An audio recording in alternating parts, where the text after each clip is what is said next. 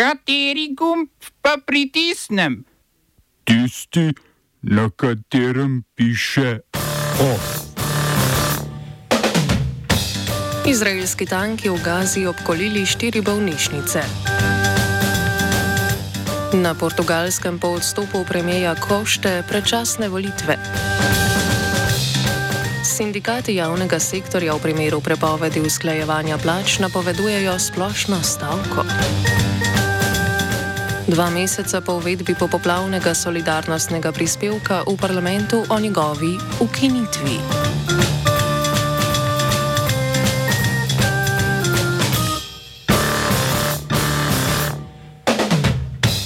Izraelska vojska je po nočnem obstreljevanju civilne infrastrukture v mestu Gaza s tanki obkolila štiri bolnišnice. Med njimi je po trditvah Ministrstva za zdravje v Gazi tudi pediatrična bolnišnica Al-Rantisi. Več tisoč bolnikov, zdravstvenih delavcev in ljudi, ki so poiskali zatočišče, je v obleganih bolnišnicah ujetih brez hrane in vode. Zaradi posledic izraelskih napadov je v Gazi zaprtih vsaj 18 od 35 bolnišnic in 51 od 72 zdravstvenih domov. Izraelska vojska je začela tankovsko in zračno obstreljevanje bolnišnice Al-Shifa, ki jo je obkolila že prej. V največji bolnišnici v Gazi je več kot 50 tisoč civilistov, izraelski okupatorji pa ustrajajo, da se pod njo nahaja štab Hamasa. Izraelsko bombardiranje je doslej uničilo več kot polovico stanovanjskih objektov v Gazi.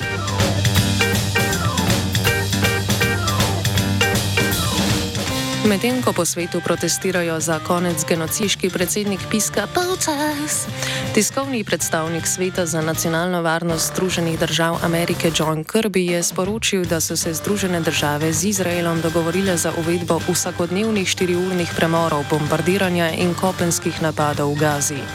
Tako imenovane humanitarne pauze naj bi po navedbah Bele hiše veljale samo na območjih, ki bi jih izraelska vojska določila tri ure vnaprej. K uvedbi humanitarnih pauz je ameriški predsednik Joe Biden izraelskega premijeja Benjamina Netanjahuja pozval v telefonskem pogovoru. O dejanski prekinitvi ognja se nista pogovarjala.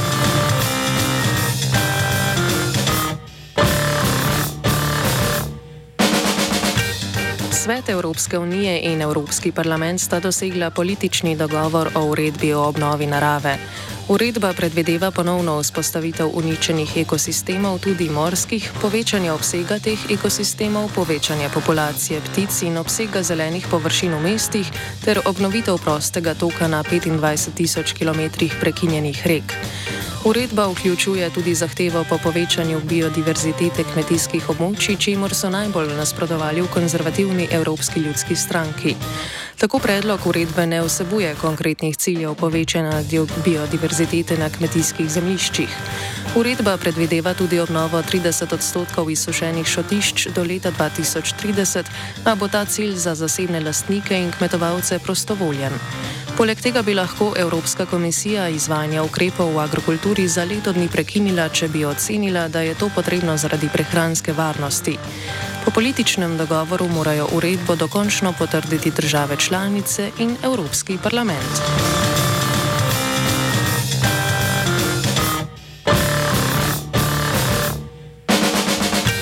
Portugalski predsednik Marcelo Rebelo de Souza je razpisal predčasne parlamentarne volitve za prihodnji marec, potem ko je premijer Antonio Costa v torek odstopil. Costa je odstopil po policijski preiskavi njegove rezidence in aretacijah vodje in še štirih članov njegovega kabineta. Državni toživci so uradno osumili tudi infrastrukturnega ministra Joao Galambo in potrdili, da povezano preizkujejo tudi premijeja Košto. Gre za sume korupcije in poskusov vplivanja na administrativne postopke pri več državnih projektih, naprimer pri podeljevanju koncesij in dovoljen za rudnika litija na severu Portugalske. Košta iz deklarativno-socialistične stranke, ki ima v parlamentu absolutno večino, je predsedniku države ponudil, da ga na mesto premijeja zamenja guverner centralne banke Mario Centeno, a je predsednik to zavrnil. Košta bo tako vodil tekoče posle vlade še štiri mesece. Predsednik Ribelu de Souza je poleg razpisa volitev napovedal, da bo razpustil parlament. S tem bo počakal, dokler poslanci ne sprejmejo proračuna za naslednje leto, kar bo predvidoma konec novembra.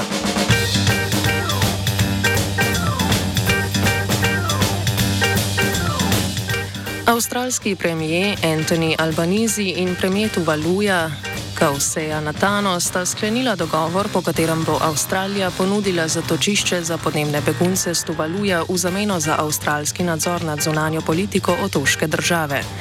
Tuvalu bo potreboval soglasje Avstralije za sklepanje varnostnih in obrambnih sporazumov z drugimi državami, poleg tega pa bo imela avstralska vojska dostop do tuvalujskega ozemlja in infrastrukture. Avstralija bo 280 tuvalujcem na leto omogočila pridobitev dovoljenja za stalno bivanje v Avstraliji. Država z 11 tisoč prebivalci in skupno 26 kvadratnimi kilometri kopenske površine bo med prvimi žrtvami podnebnih sprememb. Najvišja točka na devetih tuvalujskih otokih leži na 4,5 metrih nadmorske višine. Sporazumom želi Avstralija zagotoviti, da Tuvalu ostane v njeni interesni orbiti, potem ko so Solomonovi otoki julija podpisali pakt s Kitajsko za uporabo njihovih pristanišč. Smo se osamosvojili, nismo se pa osvobodili. Naslednje število je še 500 projektov izpiljene modele, kako so se strani nekdanje LDS rotirali. Ko to dvoje zmešamo v pravilno zmes, dobimo zgodbo o uspehu. Takemu političnemu razvoju se reče udar. Jaz to vem, da je nezakonito, ampak kaj nam pa ostane? Brutalni obračun s politično korupcijo. To je Slovenija, tukaj je naša zemlja, to je Slovenija, Slovenija, Slovenija.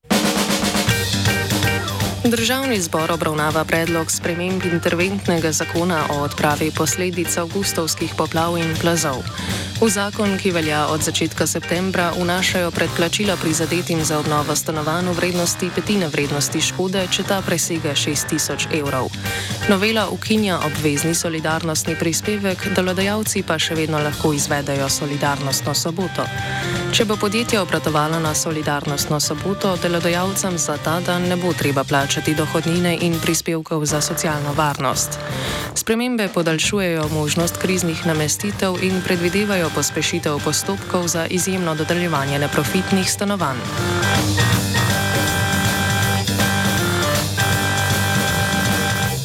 Predsednik Konfederacije sindikatov javnega sektorja Branimir Štrukelj je napovedal splošno stavko javnega sektorja, če bo parlament sprejel 65. člen predloga zakona o izvrševanju proračuna za to in naslednje leto.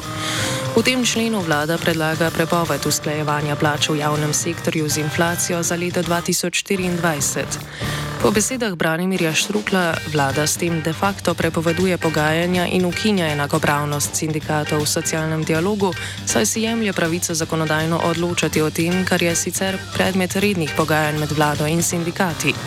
Zakaj še ni točnega datuma stavke, je Štrukel pojasnil takole namenoma ni uh, datuma. Za nas bo ključen trenutek presoje in verjetno tudi odločitve o datumu, ko bo v državnem zboru uh, uh, ta določba v zakonu o izvrševanju proračuna, da se ne smemo pogajati, da nam je odezeta ta pravica sprejeta. To je trenutek preloma ali če hočete točko, na katero se bomo seveda pripravili in takrat bomo verjetno isti dan ali naslednji dan tudi sporočili, eh, kako bo eh, eh, stvar tekla naprej. Ampak, če do tega pride, potem je to odkrit, frontalen spopad med javnimi uslužbenci in uslužbenkami na eni strani in vlado Republike Slovenije. Mi menimo, da je treba to določbo umakniti in kljub vsemu računamo na razum. V Ljubljani je potekal drugi shod v podporo Palestini po začetku kolektivnega kaznovanja palestinskih civilistov za Hamasov vdor 7. oktobra. Več sto protestnikov se je zbralo na Preširnovem trgu, kjer so posvetili minuto molka žrtvam spopada. Na to so se premaknili pred veleposlaništvo Združenih držav Amerike. Shod se je zaključil na Trgu republike. Protestniki so Izraelova dejanja v Gazi označili za genocid in usklikali geslo: Otrokom igranje, ne obstreljevanje. Opozorili so na ustrahovanje in ubijanje palestincev, ki jo izvajajo državno oboroženi naseljenci tudi na Zahodnem bregu. Protestirali so tudi proti NATO-vemu financiranju Izraela in kritizirali Evropsko unijo ter preostali Zahod za dvolično obravnavo različnih vojn.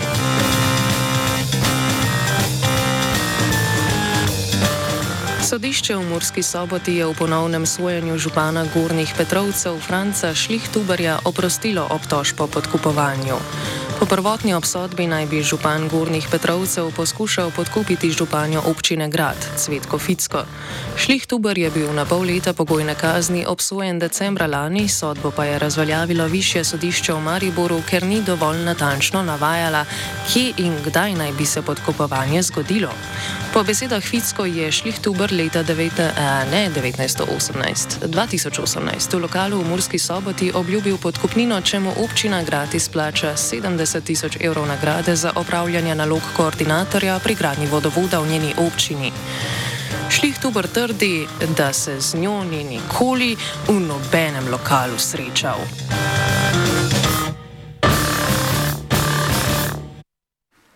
Of je pripravil Matej.